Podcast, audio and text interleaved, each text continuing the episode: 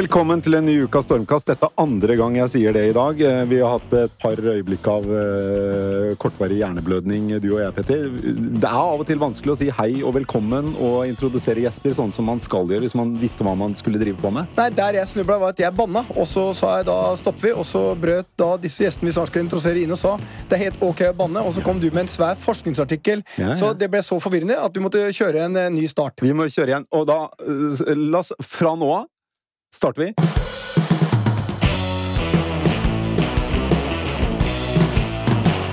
Hei, velkommen til en ny uke av Stormkast. Hvordan går det, Petter? Helt fantastisk. Eh, Jeg har eh, helt blodferskt nå gjort to gode dealer. Eh, Og jeg kan fortelle om de. Begge er annerledes enn du tror. Ja. Men for at du, Per, skal forstå hva jeg snakker om når det gjelder en god deal, så er det sånn uh, Har du kjøpt leilighet noen gang? Ja, mange. mange. Er du bekymra for mitt intellektuelle nivå, eller er det det at du ønsker å involvere meg i Jeg bare ønsker at du eh, skal forstå hva som er en god deal. Ok, Det ja. er sånn Når du uh, Feilen ofte mange gjør, det er når du legger inn bud på leilighet, og de begynner å nærme seg, så har de mentalt flytta inn.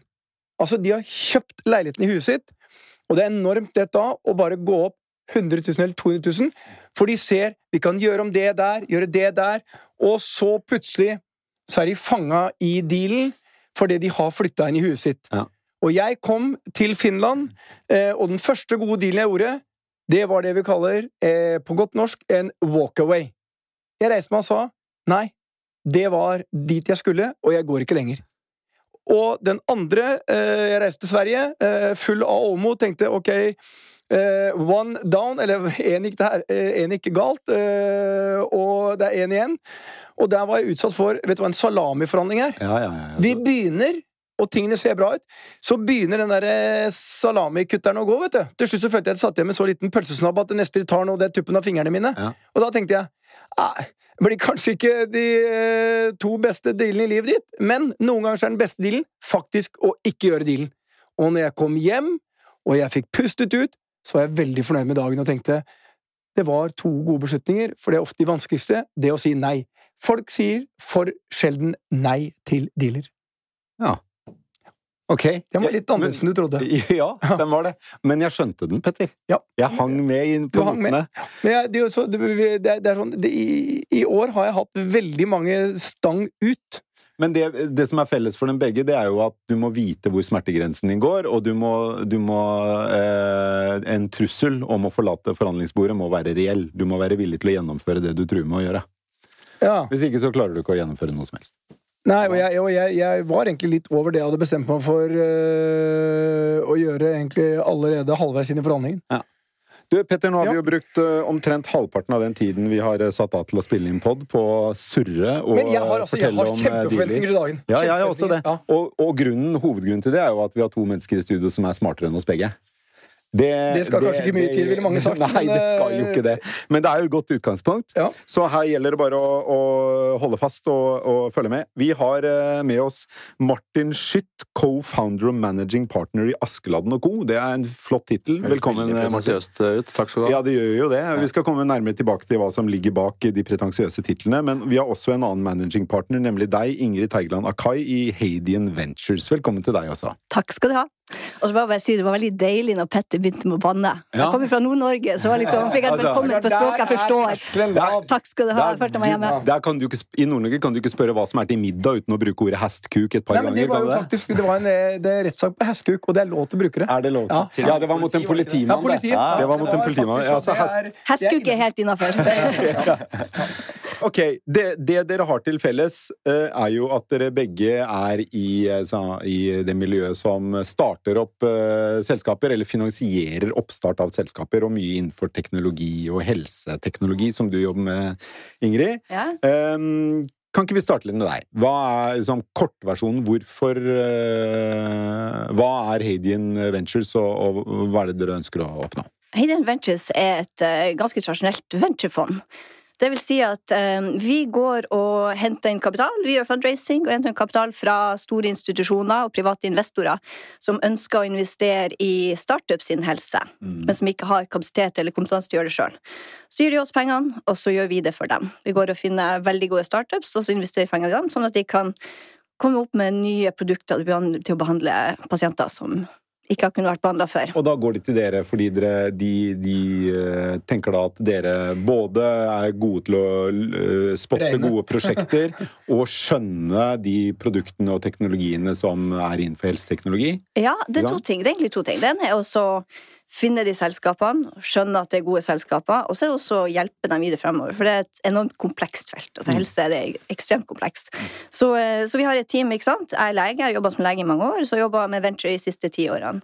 Og så har jeg flere kollegaer som har jobba som forskere i mange, mange år, så vi har liksom en veldig solid base innen sektoren. Ja. Og så bruker vi den kompetansen og erfaringa vi har til å hjelpe startups eh, her i Norge og Norden.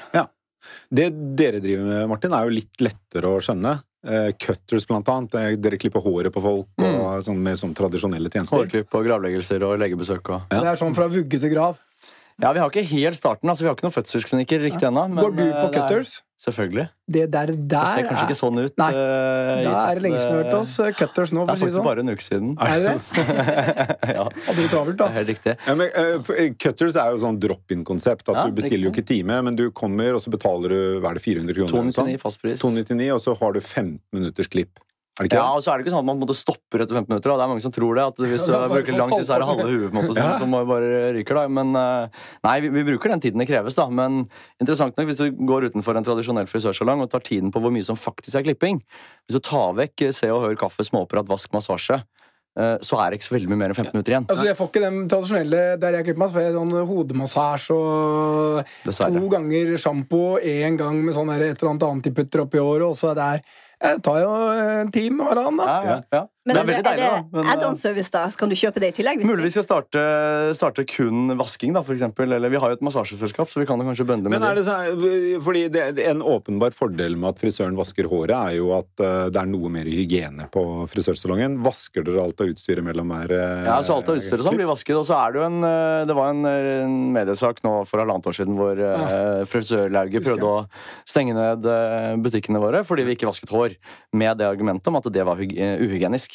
Eh, og så er det jo blitt uh, motbevist mange ganger at det har ingenting å si for hygienen eh, om man ikke vasker selve håret. Selvfølgelig utstyret og sånn skal selvfølgelig vaskes, men eh, Det er vel ikke antibakteriell hårvask uansett? det er det mest sannsynlig ikke. Så, og, og det Nei, håret skal men, såpe hjelper Men selv om de ikke begge har jo også noe til felles som ikke vi tenkte på. Ja. Du har vært eh, i Morgan Stanley, så, Ja. og du har vært i McKinsey. Begge har med andre ord vært slaver der sånn. Eh, for å være konsulent i McKinsey eller Morgan Stanley, det er er ikke noen 9-4-jobb. Nei. Nei. Det er det ikke. Men, uh, men om det er slave, vet jeg ikke. Det var uh, mye ved det som eh, er veldig appellerende, og jeg kunne gjerne gå tilbake, faktisk, hvis alt skulle skjært seg. Jeg er litt som grensepunktslave, det er jeg enig med deg. Ja. Men, men 9-4-jobb altså, Jeg er en gründer og satt opp et nytt firma, og du er en gründer. Du er en gründer, ikke sant? Det er ikke noen 9-4-jobb å være gründer heller, liksom. Nei, men det er en annen interessant ting her, sånn, eh, og jeg gleder meg veldig i dag. For én ting, jeg tror det var du som sa det, Martin um, Usexy bransjer Mm. er sexy for oss. Mm. Eller du, du sa noe i den dur. Ja, ja, ganske nøyaktig det. Syns jeg er en fantastisk uttalelse. For i dag går veldig mye inn i tech og Mm. alt sånt noe. Og dere går inn i begravelse, Mm. pizza, tannlege, frisør Altså, jeg elsker det! Det, det, det er som når jeg gikk inn i bokbransjen nå. Det er faktisk, den ville vært, ah, ja. Hadde. McKinsey gjort en analyse, så hadde den, stått, den, hadde, den hadde ikke engang vært på lista over bransjer du ikke skal være i, for den er så langt ned at Ja. de tenker det er en vandring i skyggenes dal. Um, og de fleste ville sagt plukk ut fem bransjer du skal gå inn i, og du er presumptivt en smart kar, da. McKinsey og topputdannelse og det samme med Ingrid. Det er jo brutal MBA og London Business School, og det er ikke måte på liksom Lego. og What's next? Jeg føler meg som en helt utdanna, håpløs eh, Men hvor er spørsmålet her, eh, Petter? Det det er en oppsummering. av- Er det mer enn det, er, det er en oppsummering av at usexy ting Ja. kan være fantastisk sexy Ja. hvis du bare tør å se. Og derfor sier jeg han som presten burde gått inn i alt annet enn de bransjene han har gått inn i. Og så handler det om å klare å se litt vekk fra der hvor absolutt alle andre ser. Da, ikke sant? Vi, en av de liksom, gjentagende budskapene til, til oss i Askeladden er å klare å se forbi alle buzzordene og alt den hypen som foregår. Ikke sant? Jeg vet ikke hvor mange titalls eller hundretalls konferanser og kronikker og artikler om machine learning og AI osv. Og, så videre, og, så og det er sikkert mye fornuftig i det, men jeg vet ikke hva som er viktigst for et, for et selskap av alle elementene som er der, og machine learning og de andre er en bit av det, og vi også bruker masse av de tingene. Men hvor viktig er ikke Excel eller kultur eller alle de andre tingene? Men det er ikke noen konferanser om det. Så, øh, så det å bare liksom cut the crap og bare se hva er det som egentlig betyr noe her Nå har jeg et spørsmål. Mm. Du, eh, på, eh, sånn, hvis du laster en sånn kalkulator på appen, så har du en kalkulator som har veldig få funksjoner. Mm. Og så har du en som har sånn supermange funksjoner hvis du snur den på huet. Jaha. Hvor mange ganger i ditt businessliv nå, nå er du ekstremt ung, men du har vært inne i mange bransjer, Mm. har du brukt flere funksjoner enn pluss, minus, gange og dele? Nei, det er ikke veldig mange. Ikke i Askeladden, i hvert fall. Nei, det er det jeg snakker om. Det er Ja, der du er inne. ja, ja, ja. Altså, Nei, ikke veldig mange ganger. Nei, så Og det er ganske illustrativt. men dere gjør det lett, da. Så det, det, nå, dere starta jo med cutters, som er å klippe håret på folk, og det er jo ganske grunnleggende business. Eh, kan ikke du fortelle litt om eh, fremveksten av det selskapet? Og hvordan, Cutters? og hvordan det går av Ja. cutters, ja. Nei, så Cutters starta jo eh, i, eh, i november eh, 2015. Da var det en som het Christian og en som het Andreas, som startet den første salongen i Bergen. Og så ganske fort så, så kom vi i snakk med de, og hjalp de med å åpne salong nummer to og tre og fire i Oslo. Eh, og siden den tid nå, da, så nå er vi på nummer eh, 69 eller noe sånt nå. Eh, vi har syv signert i Finland, seks i Sverige, én på Kastrup og resten i Norge. Eh, klipper 3000-3500 stykker om dagen. Eh, Superhappy ansatte, superhappy kunder, og eh, tjener greit med penger. Går dere med overskudd? Ja. Gjorde dere det ganske raskt, eller er det først nå de siste Det kommer litt an på hvordan man regner, men på, på, på en måte enhetsnivå, altså per salong osv., så, videre, så så har vi vært trygge Omsetter du trygge for på tre millioner om dagen? Eh, ja, Nei, det er nei. litt i overkant. Nei, det er mye. Det er, det Det er litt i overkant. 400 000. så vi har, ja, på, så på gode dager så har vi på en måte hatt rekorder oppunder en million, men det er uh, Ja. 400 000. Men ok, så hver salong tjener eh, penger, men når du skal spre alle andre kostnader alle, utover men, men uh, i sum så tjener de penger. Og det er på en måte Det er også tilbake til Askeland-modellen. Vi, vi, vi, vi gidder ikke å bygge 70 salonger uten å vite at de kan tjene penger på hver enkelt av dem. Eh, Så vi bruker masse tid på å få den første til å fungere, og tweake priser osv. Og, så og så når man får den til å fungere, da går man ut og skalerer. ikke sant? Og det er det man har gjort med Cutters. Ingrid, det- som er interessant Martin sitter her, og han er altså sånn at hvis ikke dere tjener penger eh, på beviser konseptet funker på 100 dager, Ja. så funker det ikke. Du lever i en helt annen verden. Vi er ikke helt der, nei. Hvordan er din verden når du vurderer? Altså, Han har verdens enkleste konsept. Pluss, plus, minus, gange, dele. 100 dager. Be- Begravelsebyrå, kleppebyrå Altså, det er hele pakka. Ja.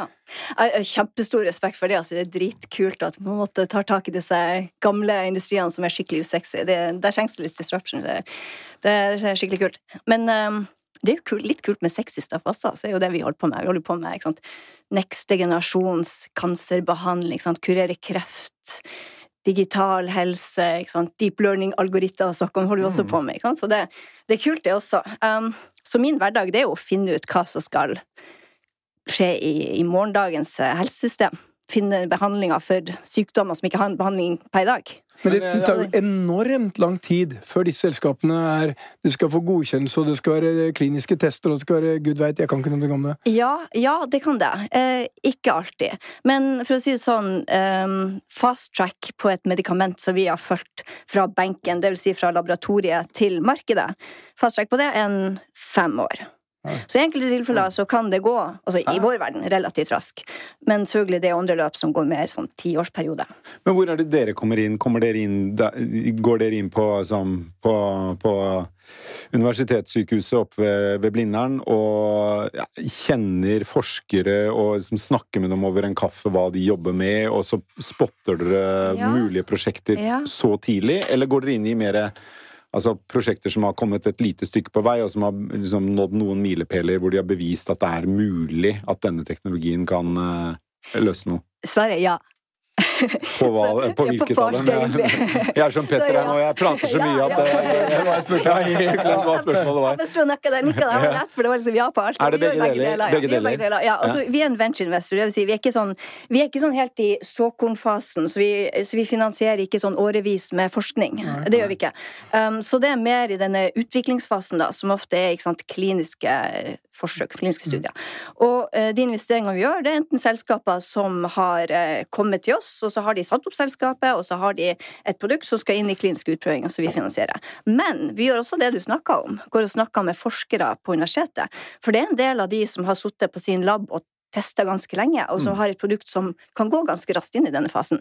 Og da kan vi godt sette opp et selskap og, og Det er ikke noe av problemet i, i Norge, i motsetning til f.eks. USA, hvor sånn, kommersialisering av forskning er mer anerkjent og stuerent hos en del forskere, at mange forskere i Norge sitter på noe som kan ha potensielt stor verdi i et marked, men de enten ser det ikke selv, eller de ønsker ikke å være en del av Ja. eh, et marked og en kommersialisering av eh, forskningen sin. Det har tradisjonelt vært et problem, men vi ser at eh, nå får vi en ny generasjon med forskere og klinikere.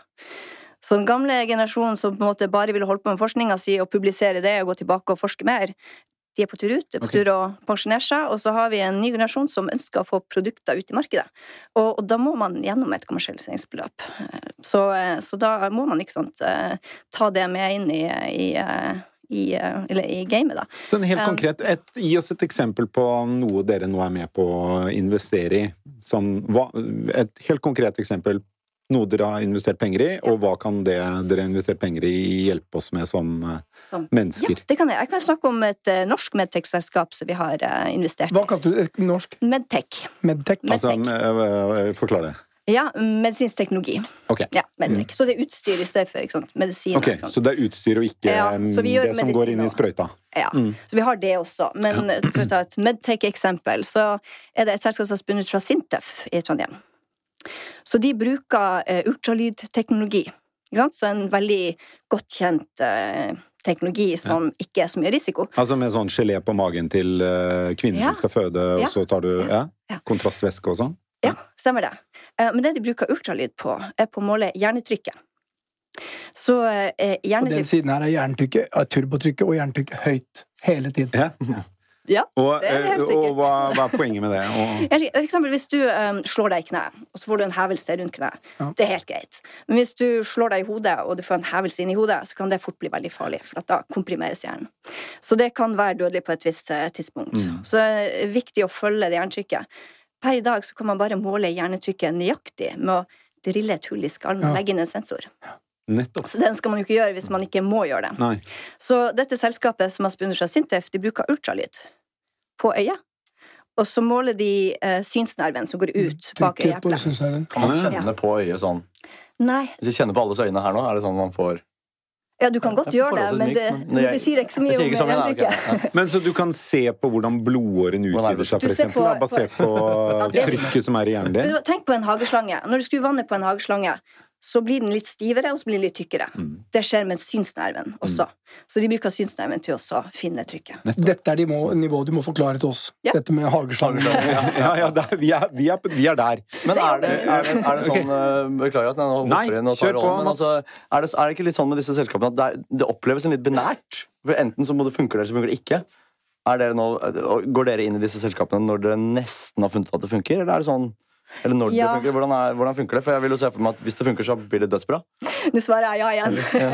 det er eh, ja og eh, um, ja og, og nei. En del selskaper, ja, selv innen biotek, altså med nye medikamenter, så er det litt sånn ja- og nei-svar. Enten Ja. så funker det, eller så funker det ikke. Og hvis det funker, så har du jo et monopol i markedet som er Ja, fordi man har patenter. koko lukrativt. Ikke sant? Ja, ja, Ja, stemmer det. Så man gjør ikke det utviklingsløpet hvis man ikke har den eh, monopolsituasjonen, Mm. så du sier. Så, eh, ja. Men hos dere så er det, andre, det er litt mer nyanser. Fordi det Nei, ikke er bio. ja, det var det. Så eh, når vi snakker om uh, medisinsk teknologi, så er det litt flere nyanser. Ja. Um, for der er det mer snakk om hvor mange sykehus som vi kan få til å bruke ny Ja, okay, teknologi. Mm. Så det er ofte et mer sånn kommersielt uh, løp okay. på dette. Så. Men, men til begge, uh, jeg vet ikke hvor mye penger dere har henta inn, Martin, men du skal hente inn, eller har hentet inn 900 millioner. Som er et ja, eh, målet. Mm. Ja, det er målet. Ja. Opplever dere at det er eh, enkelt å få en risikovillig kapital i dag og dreie to vidt forskjellige bransjer, og det er mange som lytter til oss som gjerne vil starte opp. Mm. Eh, opplever du at det er eh, og Martin, og du har sannsynligvis hatt et mye mindre kapitalbehov. Har dere henta en ekstern kapital, eller hadde dere en rik far, eller en, eh, hva, hvordan har dere finansiert det? ingen rike far eh, fedre. Jeg eh, ringte banken og sa at jeg hadde pussa opp kjøkkenet og fikk utbetalt litt ekstra penger og bytta inn i Askeladden. Ja, hadde du pusset opp kjøkkenet? Nei, Nei. det hadde jeg ikke. Så du, vi har deg nå on record på at du er- løy til banken din. Ja, nå er det såpass mange år og såpass mye verdistigning siden den tid, så det går sikkert fint, tror jeg. vi få en sånn kutt på den der? så- Der, Ja, ja, det, det, var faktisk, det var faktisk et gründertips nummer én. Ja, det er, det er bra gründertips. Det ja, er, er Ja, grunner. spar, spar lånet. Uh, ikke ta BS, og ikke kjøp pensjonssparing. Ja, ja, ja. okay, så Nei, ikke ikke? Så vi har, vi har spytta noe penger sjøl. Vi var seks stykker som, som starta Askeladden. Men vi har henta en del eksternkapital også. uh, Så vi de siste 12-18 månedene så har vi på en eller annen måte hentet eller solgt aksjer eh, altså, for 50-60-70 millioner kroner. Uh, Så det har vært noe. Kan eh, jeg ta et uh, McKinsey-spørsmål til deg? Ja. Hva er uh, rocken dine på investeringene til de som har gått inn? Eh, Det vil jo tiden vise, da, Men når de er exiter. liksom- Og hva er rocken return of Return of capital. Return of capital. skal bare ta Ja, ja. altså, Siden det er McKinsey her, så må vi late som vi kan det, vi Ja, òg. ja. Nei, altså, målet må jo være mange, mange ganger, da. Og, For det er det, det er det som er fascinerende. vet Du Du snakker ikke om 10-15-20 Nei, nei, nei. Dere skal ha multipler på innskudd kapital, dere. Ja, ja, altså For de selskapene som da er de som skyter inn penger helt fra starten av selskapene, til de som har på en måte kommet til et modent nivå nå, så snakker man jo om mange mange titalls ganger return. Og det eh, Altså, Dette er helt fascinerende. Ja. For dette er Glem Warren Buffett. Dette er altså eventyravkastning. Ja, og ja, Svaret, jo, jo, er men Ikke noe ja eh, og æ, æ. Svaret er ja. Et klart ja. Helt Det har vi faktisk fått kritikk for av en lytter, at det er veldig mye æ, ø, å. Jo, jo. Men eh, vi skal jo få med alle rundt eh, bordet her. Vi skal det. Men ok, det, det, sånn, det, er, det er jo uh, mange likhetstrekk mellom dere, og så er det noen ganske tydelige forskjeller. Og eh, det sånn Ma, uh, Martin Jeg har kalt deg Mats et par ganger i dag. Martin, eh, det dere jobber med, er jo i veldig stor grad å få den tiden vi lever i, og de vanene vi har, og de behovene vi har i vår tid, til å gli litt lettere. Litt mindre friksjon i hverdagen, eller litt lavere pris, eller løse det på en litt annen måte, så det bare livet vår blir enklere, Mm. på en måte. Mens det du gjør, er å øh, i mange tilfeller løse behov øh, i en verden vi ennå ikke har. Eh, du skal liksom gjøre verden til et bedre sted på en litt annen og, og flyktig måte, da. Eh, og kanskje gjøre, det, gjøre at eh, pasienter slipper å bli drilla hull i hjernen for å måle et trykk når de har slått seg. Eh, eller finne en ny kreftmedisin, eller hva den skulle være. Uh, og, og det er jo ofte den type bransjer du er inne i. Man trekker frem når man snakker om hva vi skal leve av etter oljen, som om den kommer til å forsvinne med det aller første. Noen jo definitivt ikke gjør. Men uh, hva er potensialet for medtech og medisinsk forskning uh, i Norge, tror du? Sånn helt realistisk, hvis du skal nå er du ikke på en konferanse hvor du skal prøve å selge inn uh, investorkapital. Er mellom Nå er det mellom oss og 20 000 lyttere. Hva, hva er egentlig potensialet i denne bransjen? I Ja. Norge? Ja, jeg kan ikke stå og gjøre sånn public markedsføring for produktet mitt, så det gjør jeg ikke. Nei. så nå er det bare mellom oss, helt ærlig. Uh, Og jeg kan jo svare på det spørsmålet og si at jeg jobba i mange år for et globalt London-basert fond. Mm. Jeg har, sammen med tre andre kollegaer derfra, flytta fokus til Norden, med hovedkontor i Oslo. Og det er en god grunn til det. Og det er fordi at vi ser på et globalt nivå de beste investeringsmulighetene innen helse i Norden per I dag. Norden. Ja, Ja. gjør det. Eh, Og det- For det er det fordi vi har så mye eh, altså, utdanning på det over lang tid osv., eller hvordan Det, det er et par årsaker til det. For det første så har det vært stor fokus på forskning Mm. over mange, mange tiår. Og så har det også vært stor fokus på, på å bygge opp um, økosystemet for startups. Ikke sant? Så vi har Forskningsrådet, vi har SkatteFUNN, um, Innovasjon Norge, som hjelper folk Sånn at det begynner å bli et litt mer investorvennlig klima i Norge. Absolutt. Mm. Og cluster og hubs. ikke sant? Oslo Cancer Cluster, Norway Healthtech osv. Mm. Som hjelper startups å komme i gang. Det kombinert med at det er nesten ikke investorer som oss. Nei. finnes nesten ikke eh, helsefokuserte venturekapitalfond. For det var litt i jeg ville frem Sverige så er det jo veldig mange. Ikke i helse, nei. Det er et annet i, i, i Sverige. Er det? Ingen i Finland, og så et par i Danmark. For det var litt det jeg ville frem til. Er det, er det innenfor eh, medisinsk eh, forskning eh, litt sånn et marked som er up for grabs for sånne som dere som ønsker å finansiere forskningen? Absolutt. For det er ikke crowded out, sånn som på ikke i det hele tatt. Altså, Altså, dere skal ikke investere i ting som folk som lager apper på en saccosekk og en Mac på fanget, liksom. Dere skal finansiere folk i hvite laboratoriefrakker. Og, og det er et fullstendig sånn blackbox black box for uh, investorer som Mm. ikke sant? De fleste er i London, Nederland, Frankrike, USA selvfølgelig. Masse. Og der klager mine kollegaer om at altfor crowded, for mye kapital, verdisetting er altfor høy. Altså her er det Men det er jo, en, det er jo en, en, eh, en gunstig posisjon for dere, da, hvis du har rett i hypotesen om at dette er et marked som eh, det er lett å gå inn i fordi dere vil være alene om det eh, i Norge. Men, men det sier jo noe om fondet ditt sin mulighet til å vokse og, og bygge seg opp. Men eh, det sier jo ingenting om potensialet for det markedet totalt sett i Norge. Hva tror du er potensialet for det markedet totalt sett i Norge? Hvor stort kan egentlig eh, helsebusinessen bli i Norge? Ja, altså det her er ikke noe norsk business. Nei, Det er ikke det. Nei. Altså et globalt marked, ikke sant. Så hver eneste startup vi ser på, ikke sant? det er jo det er utvikla produkter for et globalt marked.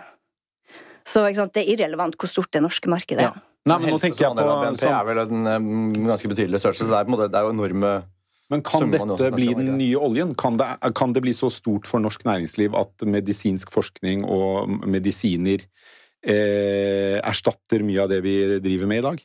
Tror du? Eh, eh, ja, om ikke tar helt plassen, så kan det definitivt eh, gi et godt bidrag til det. Absolutt, ja. Men det interessante er at eh, det Ingrid snakker om, det er jo på mange måter grenser til nye ting og dels oppfinnelser og nye ting som Dere er jo en helt andre enden av skalaen. Dere driver jo ikke med oppfinnelser, Martin. Mm. Hva driver dere med? Nei, altså Vi mener at det er en veldig stort skille mellom oppfinnelser og innovasjon. Uh, og Man kan jo også stille seg spørsmål om hvordan man definerer innovasjon. Altså vi klippe ser- hår er ikke noe Nei, men ikke? Det er et godt eksempel med cutters. da, Hva er det man har gjort nytt, jo? Eller hva, hva er det for noe? Jo, man klipper hår, men det er 299, det er fastpris, det er drop-in. Uh, det er ikke noe annet enn en klipping. Det har du fått gjort i alle år. Vi har ikke funnet opp noen verdens ting. Vi har kopiert absolutt alt sammen, og så har man satt det sammen på en elegant måte. Og kanskje den sammensetningen er innovasjon, da. Begravelse? Hva er som gjør Jeg er bare spent. Begravelse. Ja. Hva er det dere effektiviserer der, da? Der sender vi folk til eh, verdensrommet. Ja. Nei da. Vi eh, Kremering på sånn hurtigkremering? Nei, altså Kremasjonen og gravleggelsen det betales av kommunen. Så der er det lite å, lite å effektivisere. Det er mulig, sikkert mulig å effektivisere, men det er ikke så mye å gjøre på pris, for det koster null. Eh, Men ja, der er handler det begravelsesagentene dere skal uh, Ja, og så er det sånn at eh, Begravelsesbransjen er uh, fantastisk interessant. Den, Superspennende. den, altså, uh, der har du en kunde som ikke er seg selv i det hele tatt. Man er ikke prissensitiv i det hele tatt. Det er ingen som pruter, det er ingen som sammenligner.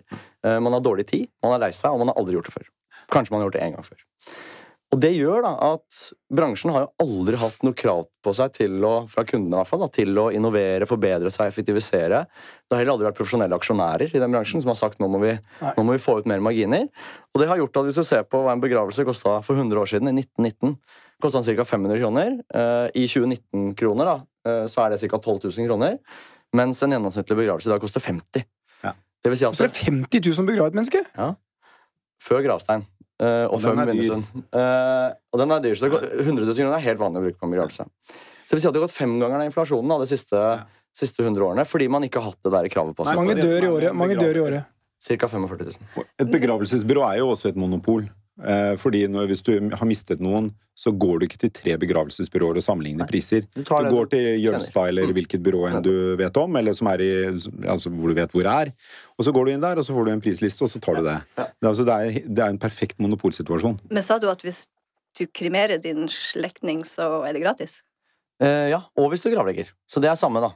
Men det er jo hele prosessen, Prosessen, før. ok, Det er jo frem Altså- til uh, ovnen, Uh, Det er, frem til sagt. ovnen. det er, Sånn, det er planlegging. kan er så- Ja, og så er det ikke så veldig mye å gjøre. Altså, hva er en begravelse og hele prosessen? Da? Jo, det er, det er presten skal gjøre en del, organisten skal gjøre en del. Det er også gratis. Det betaler eh, statskirken for. Så det du egentlig betaler gravferdsbyråene for, det er kiste, blomster, uh, transport og planlegging. Ja. Og det er begrensa hvor mye det kan, kan koste. Og- Ok, du, det, Jeg syns det er interessant det du sier om at det vi gjør, er jo altså, Eller man må ikke eh, blande oppfinnelser og innovasjon sammen. Kan jeg bare tipse om en industri? Ja. En, uh, bryllup og brudekjoler og Ja, sånne ting. ja, ja, Det er på lista. Den Ja. Det er på lista. etter innovasjon. Ja. Men eh, sånn, i mange av de eh, undersøkelsene som er gjort uh, av hvor innovative ulike land er, så er det jo, kommer jo Norge alltid dårlig ut. Og det har ofte irritert meg. Og jeg ser her, vi har på sånn, snakkepunktene våre her, så kommer vi ut i sånn på nummer 19. 19.-plass i Global Innovation Index 2018, mens Sverige er på andreplass, eksempel. Men, ja, 10 da, det er ikke så ille. Nei, nei, det er jo kjempebra uansett, men, men når jeg har sett på kriteriene til, til en del av de undersøkelsene, og et av de viktige kriteriene er antall patenter som tas ut i et land. Mm. Og i et, et land som er så lite, og hvor oljeindustrien står i, sånn, i sum for halvparten av eh, all verdiskapning i privat sektor, og det er en industri som nesten ikke tar ut patenter, så er det klart at Norge kommer langt ned på den listen. Fordi vi driver ikke så mye med oppfinnelser, men vi innoverer. Vi er forbedrer produksjonsprosesser. Det er i stor grad en oppfinnelsesindeks, men det er ikke en innovasjonsindeks. Sånn som innovasjon, uh, som du påpeker, at innovasjon egentlig er. Å forbedre prosesser, gjøre ting på en litt annen måte, ikke sant? Ja. Er eh, eh, bare et lite sidespor der, men, men eh, jeg, jeg tror Norge er langt mer innovativt enn det vi Ja, ja, ja. fremstår som på disse internasjonale indeksene. Og så er det samtidig en lett felle å gå i når man eksempel skal starte et selskap. Det er mange gründere som sitter der ute, eller i hvert fall folk med en gründer i magen, som føler at man Altså, Kravet til innovasjonshøyde er så høyt at det bikker over til oppfinnelser. Må finne på noe helt nytt. Men se på alle de store, vellykkede selskapene rundt omkring i verden. Mest sannsynlig har de kopiert det aller aller meste de driver med. Ja.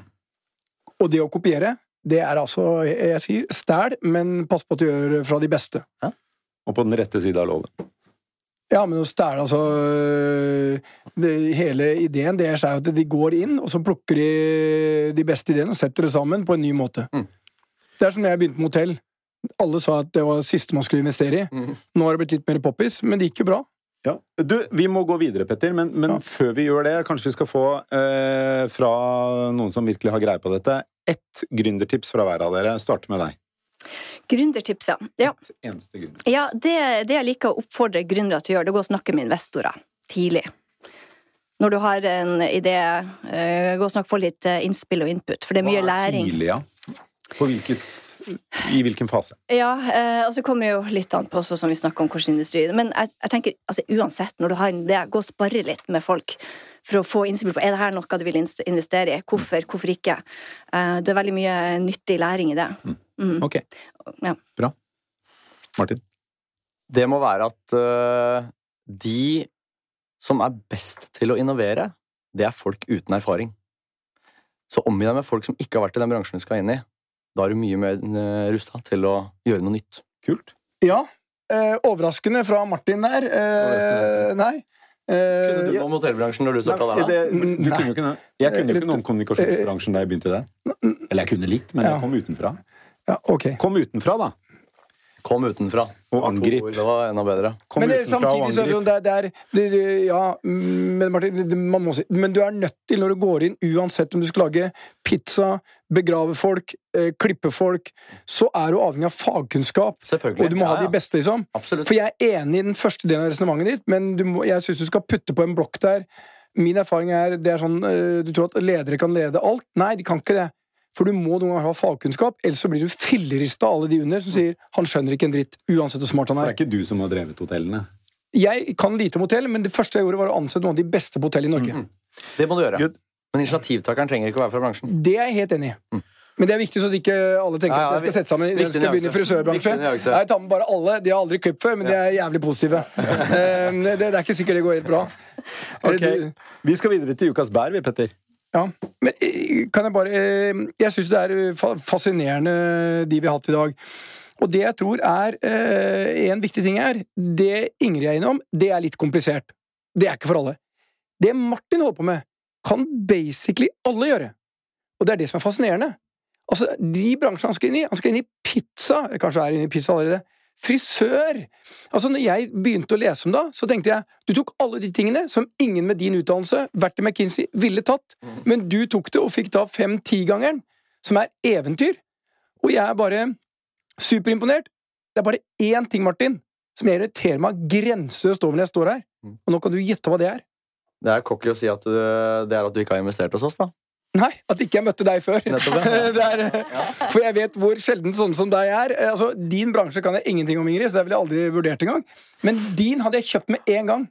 Um, så uh, jeg spår at en dag står du på denne siden um, og har din egen podkast og er en sånn derre Sam Walton uh, junior eh, for eh, tradisjonelle bransjer. Så det betyr Se rundt da. Mange av de beste investeringene er kanskje rett foran nesa på deg. For Martin så spiste han pizza og skulle klippe seg, og det var starten. Ok.